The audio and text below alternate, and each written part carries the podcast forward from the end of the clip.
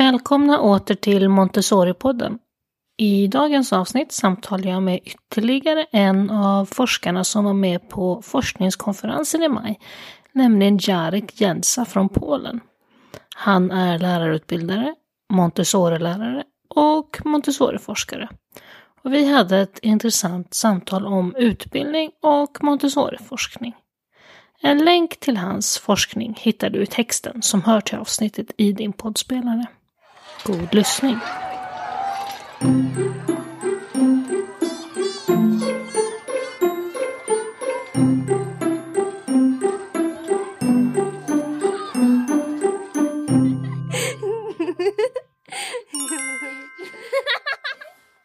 Welcome to the Montessori podcast, Jarek. Hello. Hi. Nice to see you. we met in May in Stockholm at the Montessori symposium we had there at the Stockholm University. There have been a few episodes of the podcasts with all the researchers from that symposium, and now the turn has come to you. Why don't we start off with you introducing yourself a little bit? Who are you? Okay, I don't know where to start, but uh, my Montessori story, so to say, started almost 20 years ago uh, when my daughter was born. And uh, we were searching for some place for her to educate in accordance with the values that we think are important and uh, we as parents believe in and this is the moment when I discovered Montessori. So, uh, so mm. I was first a Montessori parent. My daughter came through um, primary education in Montessori, and later on she she went to different schools. Unfortunately, in our region, there was no possibility to send her to uh, elementary and high school Montessori schools, but she we were always searching for some different form of education. So my my the beginning of the story is the, the parent story, so to say. And mm. later on, uh, later on, because uh, professionally I am early education teacher and English teacher. So this is my um, this is my first, I would say, my first degree that I got many years ago, and I have been teaching for more than twenty years now and uh, I, from the very beginning, as a as a practitioner, I felt that there was something. I'm very sorry. There was something wrong with what I was. Yeah. So, yeah, something, something missing? missing. There was something missing, but there was. I think there was some kind of. You know, I didn't feel in the right place. Uh, mm. so um, so yeah. So this is the way I discovered Montessori as a practitioner. Again, it was like many many years ago. And uh, since uh, 2009, I have worked uh, for the, one of the biggest Polish universities that is called University of Gdańsk. It's in the north of Poland, where I work at social sciences faculty uh, in the Institute of Education. So my job now is I, I do two things. So I help young teachers to develop. So I'm a teacher trainer although I don't like the word training, to be honest. uh, and I also uh, I am also a researcher, uh, and I have uh, I have done a few projects uh, related, mostly related to Montessori and higher education. These are two things I'm interested in mostly. And for the last years, I was only focusing on Montessori and uh, was trying to research Montessori on in different countries. Yeah, so so yeah, and recently I was very happy to finally get my six to twelve AMI diploma, and uh, which I did. Yeah, because I mean, you went from being the teacher and then researcher, yeah. but also getting your Montessori yeah, diplomas. Yes, yes, of course, yes. So this is like so I could say now, finally, after so many years, that I am a certified certified uh, AMI Montessori guide.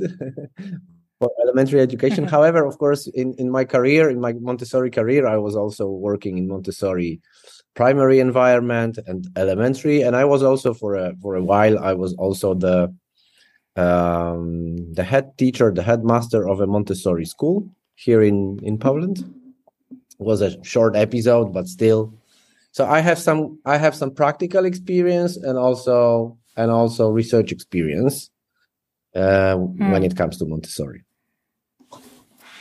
If we go back to uh, your research and the presentation you gave in Stockholm, um, you described uh, your current research, which is, as I understand it, sort of a meta analysis of Montessori research, correct? And then there is always this problem with this, you know, prefix meta, because if you use it, then you know you sound a little bit like a god you know that you have got some you mm. have hmm. got some mm, above perspective so i'm you know i'm kind of skeptical about but about this prefix itself but yeah i would say you are right. Um, i mean this was uh, so, so, one part of this research because actually i'm involved in in a long uh, in a long project and uh, something that the, the the part that i presented in stockholm was just tiny part of it and the, actually the introductory part for for the for the research. Mm.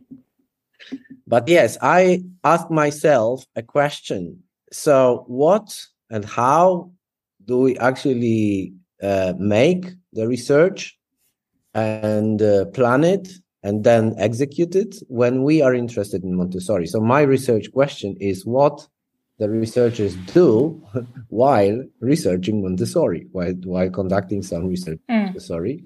So yes, this was uh, in that sense this was a research on the research, and of course then you can say it was kind of meta meta analysis. But as I say, um, it is far from from being you know humble to say that my research is meta-analysis and this this is really arrogant so uh, so sure, so no sure. i mean i was interested i was interested in in in this right and uh, and it turned out for example that the, the one of the most important maybe the the, the initial observation was that uh, the research on montessori over the last two decades is uh, the number of research is growing and there is a, there is also a growing diversity on uh, approaches on how people do it right? So mm. montessori for some reason for some reason uh, is uh, more and more um, interesting also in the academic world. So people because you know maybe it comes with the number of institutions we have we know is growing as well uh, on global scale unequally in different parts of the world, but but uh, that we have got more and more Montessori institutions. But so maybe that is why more and more researchers actually are interested in Montessori. But I think this is not the question you asked, did you? uh, it was a continuation, but I found it very interesting because you looked at what type of research is happening right now uh, and one of the things was that the sort of the method that was used from the very start that Maria Montessori used was observation, but it seems like that method is not really used anymore. That's not what people use when they are doing Montessori research.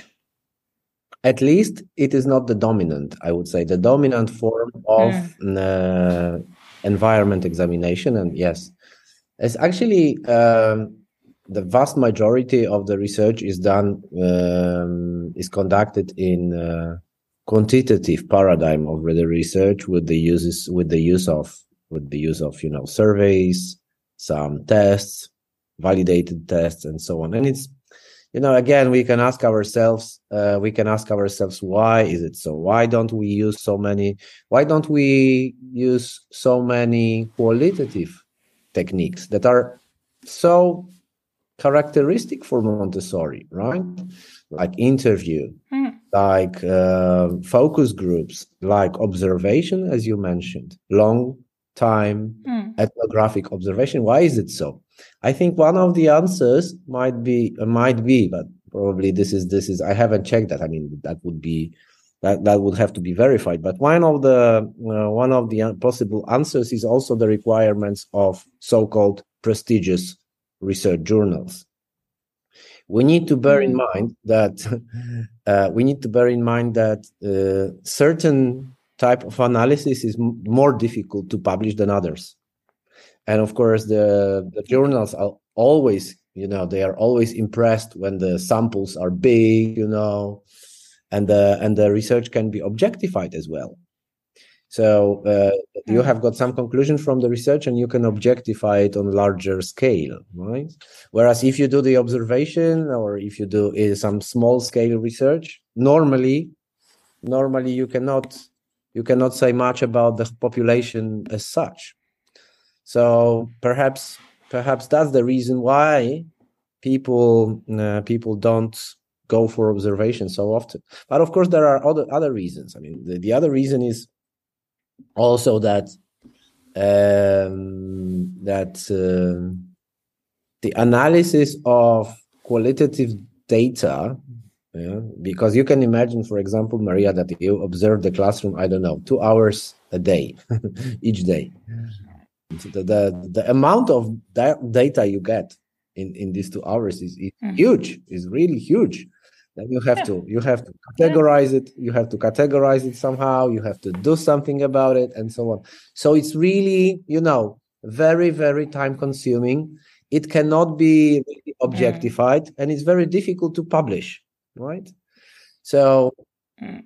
And also you know this is a also we have to we have to also realize that perhaps right? Perhaps i mean uh we the people of so, so scientists for example we we need to admit that this is you know the for, for many people still the ideal of silence of science, of science is actually the the ideal of natural science. Mm. and in natural sciences so we in, in natural science you use very specific methods and they are very often they are very often you know um, so we try to we try to do the same but in educational in educational analysis. So this is you know this it's very strong yeah? The myth of objectivism the, the truth with double with capital d is, is still very strong yeah? Because I, I wouldn't I would never ever say that for example we don't do the observation because we can't do it or we are lazy or I don't know. There are some also there are some factors in academic world and the policy of journals.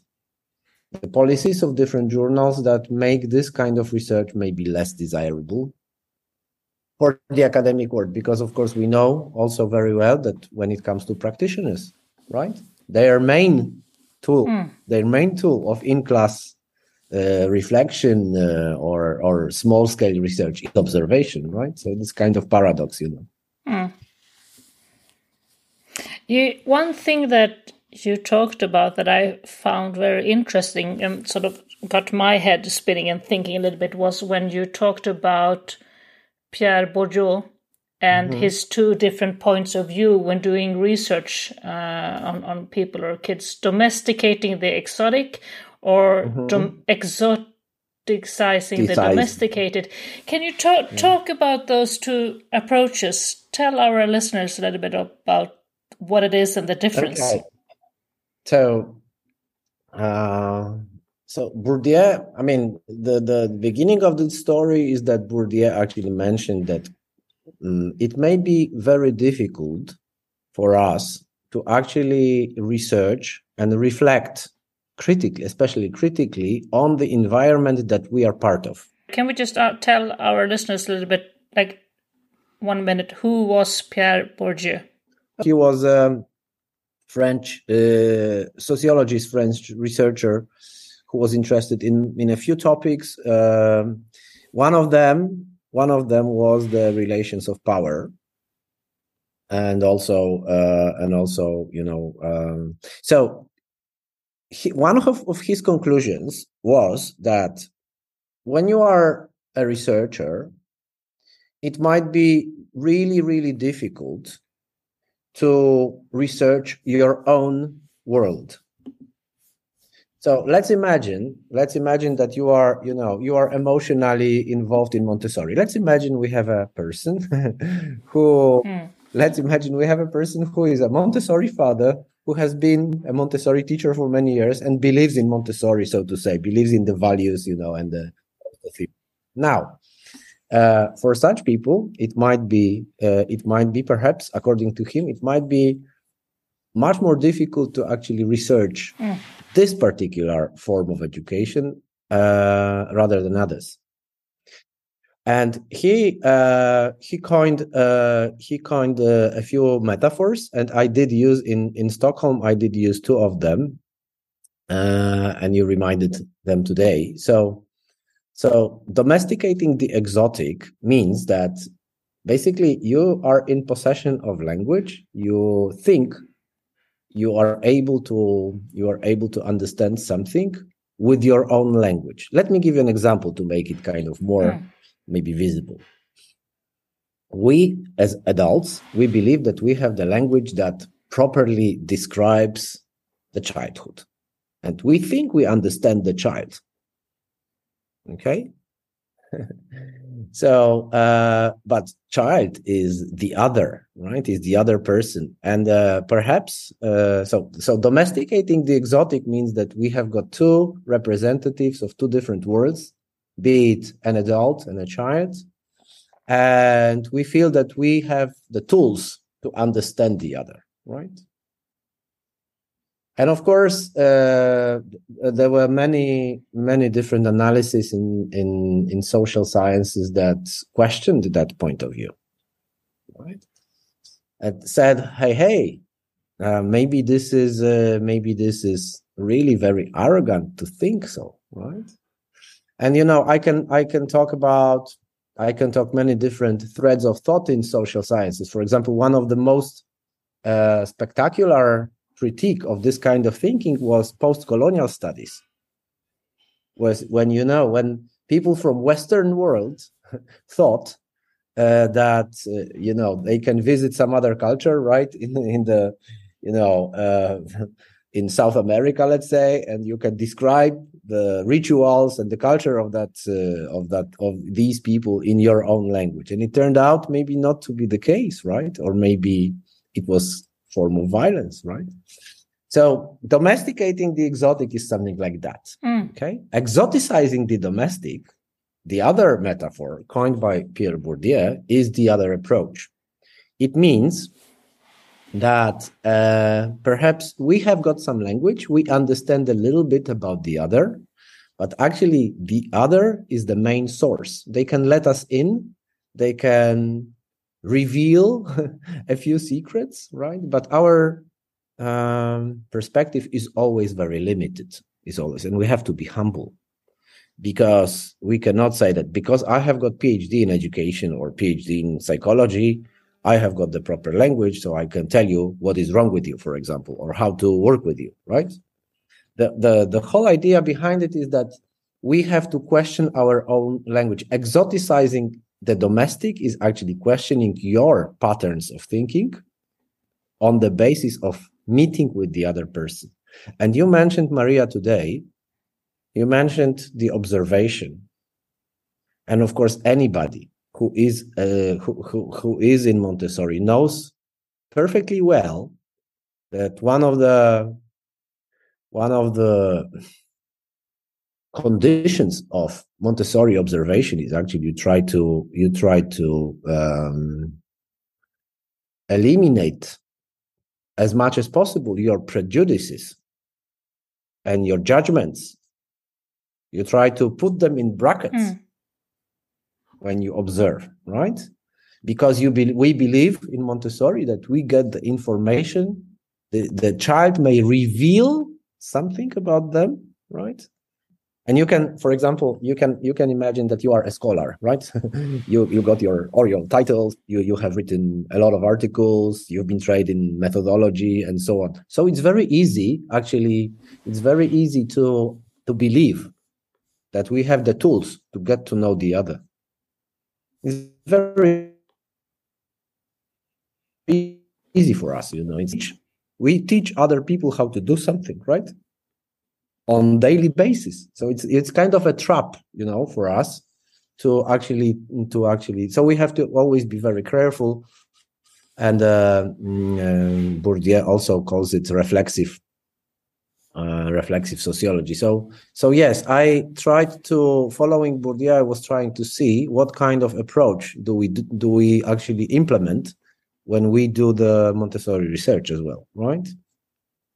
And when you described how, for instance, like you say, the post-colonial research and our approach towards them, that's sort of, uh, at least for me, got me thinking a little bit about the observations and how you do it and the approach you have. And like you say, when you researching a field that you are emotionally connected to and also know something about, uh, it's very important to sort of, to to be able to look at the field and what and your findings with some sort of critical view and that might be isn't that the most difficult thing for young educators when they start uh, their journey into research with like an essay, like a master's essay or something, a paper, to be able to actually, uh, because they're not, I mean, being in the Montessori community, you are often why very uh, enthusiastic about Montessori, and then to learn how to okay, but now we need to criticize it instead and, and, and sort of look from it, look upon it with different glasses and maybe ask critical questions. That is uh, um, the first time you do that when you write some sort of academic paper. It's it's a difficult process. I mean, on different different stages on our professional career, there are different risks or different mechanisms that mm. actually make it even more difficult to exoticize the domesticated. So, and I fully agree with you when you mm. say that this is the enthusiasm at the beginning uh, that uh, that may be a kind of obstacle because you need that you, you know you know you need that you need mm. that enthusiasm to do something wonderful right? You say you have to be enthusiastic right? Or sure. you maybe you don't have to be but it's it's maybe helpful to be enthusiastic from time to time because this is a hard job. It's it's i mean i would never change this job for anything else. That's the most beautiful job you can have i think but at the same time you know this uh, you know so enthusiasm may be an obstacle as well. The uh, it may be the obstacle to reflect on your own position, on your own language, on your um, on your own practices, on your own understandings of different phenomena that happen in the classroom. Later on, however, when you mm. you know you later when you become a little bit more experienced, you already know in inverted commas what works Hey, you have got your solutions. Yeah. You've done it many times. You know how, what to do. You know what to do. That's yeah. another obstacle, the routine. Mm. You know, the routine. So I agree with you that the the ones, the, the, the our younger colleagues who come into the academic world or who become practitioners, because this is, you know, the I think this, to some extent these metaphors may be applied to practice and the practice of research both. So it may we can use it we can use them to actually describe the the practitioners but also the researchers. So at the beginning the enthusiasm. But there is also one more thing. You know i will financially remember my ami training for a long time. If you know what i mean right? This is this is quite an expensive yeah, yeah. quite an expensive hobby to to to be ami mm. guide okay and uh, mm. and you pay a lot of money and you spend hundreds of hours learning lessons and learning other stuff and indexes you know and you know the curriculum very well etc etc you spend a lot of time in sort of elite group okay so mm. you might believe that actually when you get the diploma you got the you got uh, you, you you've actually got the access to some kind of special knowledge that you paid for, that was painful to some extent. It was wonderful, but it was painful as well. So, you know, this is like, uh, you know, the, the, the, in, in, it's like in, in Greek mytholo- mythology, it's like reaching the Olymp, if you know what I mean. You know, you are mm. actually on the mountain, you are there, you see the light. and, you know, mm. this is also, uh, mm. so you get hmm. the access to very limited knowledge that is for few, not many, let's be honest. Okay. So you might believe that actually with this, you know, with this diploma and with all this work and the money you spent, you get access to something that is really special. And that's enough. Okay. So hmm. that may also work. Yeah we you know this is this is also you know this is i i just spotted that we for example we say okay i am ami guide yeah and we this is you know we this kind of identity for us is quite important. Quite important for a reason. Yeah. Yeah. Yeah important for a reason. Mm. so yeah so uh, there are different groups involved in montessori for whom it might be difficult to actually including myself right? Including myself. I always you know when i when I think when I go to my students and I sometimes I feel that hmm I have said too much. I have sounded I have just sounded like a you know like you know almighty almighty mind that knows everything you know. Then I have to say ah two steps back please and try to question what you have just said mm. right this is really this kind of self reflection uh self reflection um moment is also is also absolutely necessary so yeah so this is you know uh, to some extent of course maria montessori was right that maybe one of the directions we could get is the humbleness in anything in anything we do mm. like um, we we mm. we we can't forget about it yeah no matter who you are in montessori. Mm-hmm. And how many and how many and how many articles you published right? Yeah. And maybe the research path could be a a, a, a, a way of sort of humbling that you don't know everything. There is still so much more to learn. Yeah.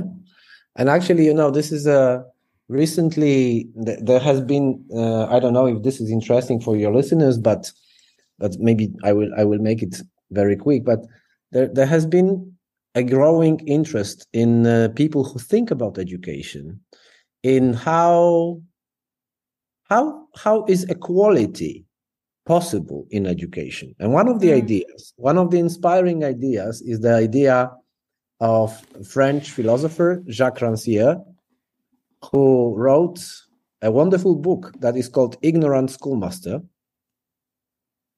And uh, actually um, um, and actually uh, his idea was later developed by by some uh, by some scholars like uh, Joris Vlieghe and uh, Piotr Zamojski in, in their book on ontology of teaching, and they both they they all believe that this is you know the, the, the this form of ignorance that we feel we are ignorant to something, so we don't know the child right? Or we don't know the subject matter. And only when we actually accept that we are, to a certain extent, of course, ignorant, mm. only then can we uh, practice equality with the child, with the parent. Because, you know, also when we meet with parents, right? we are Montessori trained. All of, I mean, most of us have got some other diplomas related to education. So we think we are professionals. Mm so we have the right to tell the parents what to do, right? Because they are not professional. Okay. Mm. So, you know, wearing that umbrella of an ignorant, uh, this is of course much more complicated in this philosophical idea, but, but wearing this hat of ignorance. Yeah. I know a little bit. I know this, but I don't know a lot of that.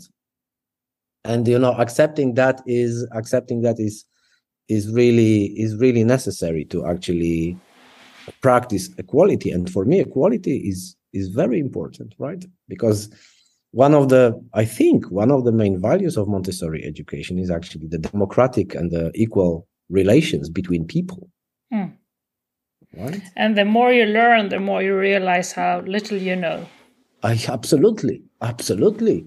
So the the you know there's I I for example, I was really impressed. We had two trainers in this in this. I'm referring to this you know to this course, to this AMI course because it's very fresh, and uh, mm, I had two wonderful trainings. Uh, Daniel Carnigal and uh, Eduard Villanova from from Catalonia, and uh, I probably mispronounced their surnames, but okay. Um, and you know they they have been in Montessori for for a few decades, but they were both of them, and in, in you know, and they know the material very well, and they can really train people. But at the same time, they were most of the time very humble and mm. listening, because it is actually through the listening and through the watching when you learn. Mm. Yeah, it's not when you talk, you don't have time to listen, right? Mm.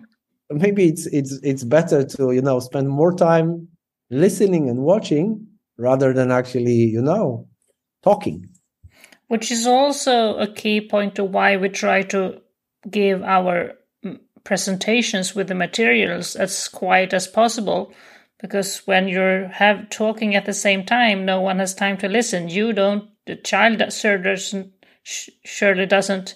So yeah, but yeah. I also absolutely, especially in the first plane of development. Yeah. Is, uh, I mean, in the second is is slightly maybe different, but but but uh, absolutely right. And also, you know, these wonderful moments when you are a Montessori guide, Montessori adult in the prepared environment, and you just sit and you watch and you listen to children working, which is mm. absolutely amazing. This is one of the most, you know, when I look at my students also at the university, because I try to implement some of Montessori values also in higher education, mm. which I think is, in, in, that sense, you know, the relations between people, usage the language, and so on and so forth.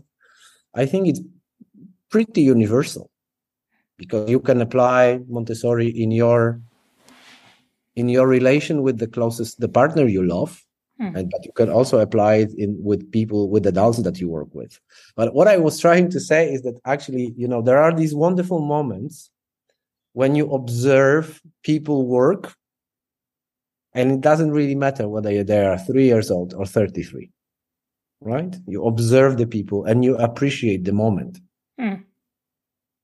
as i am as you can see as i am a chatterbox i'm like no for me this is especially difficult right so to shut my mouth you know and uh, and just you know and um, so you have to train that as well to be mm. silent and to mm. be passive and to be mm. invisible and just to you know focus on something and appreciate that that moment right this is the, the, the moment when we learn actually so coming back to we because we started that we as researchers we it's a pity actually that we don't do much i mean much more observations in the research i understand uh, some possible uh, you know some possible maybe reasons for that but it's a pity you know yeah. that we we don't use it too often and we you know in different trainings in different trainings we teach people or we learn from some our trainers that observation is so important but we hardly ever do it when when we research montessori world hmm.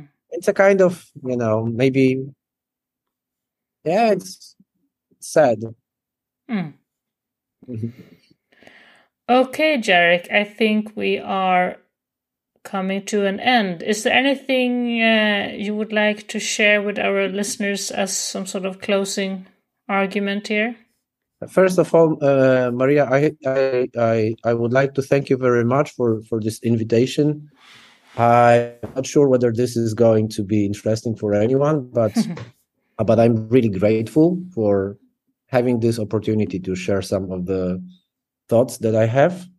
And uh, yeah, and I think uh, I think you know then uh, maybe there is one one thing that I would love to share at the end. I mean, if you I mean, it worked with me, right? This is not like an advice, but it worked with me. The moment I learned the most in Montessori were the moments where I actually slowed down and I really didn't say anything and uh, I was quite, in a sense, I was passive. Mm. So I wish all of us had more moments in life, okay, to just appreciate what is around, and it may be, you know, appreciating the the birds in the forest, appreciating. I mean, I I observe my cat every day. It's fascinating, and my dog. and you know so i wish we had more moments to actually slow down and uh, appreciate the world around Mm. because these are the moments where we can actually learn learn a lot okay. Thank you, Jarek. thank you very much uh, thank you very much yeah. Thank you.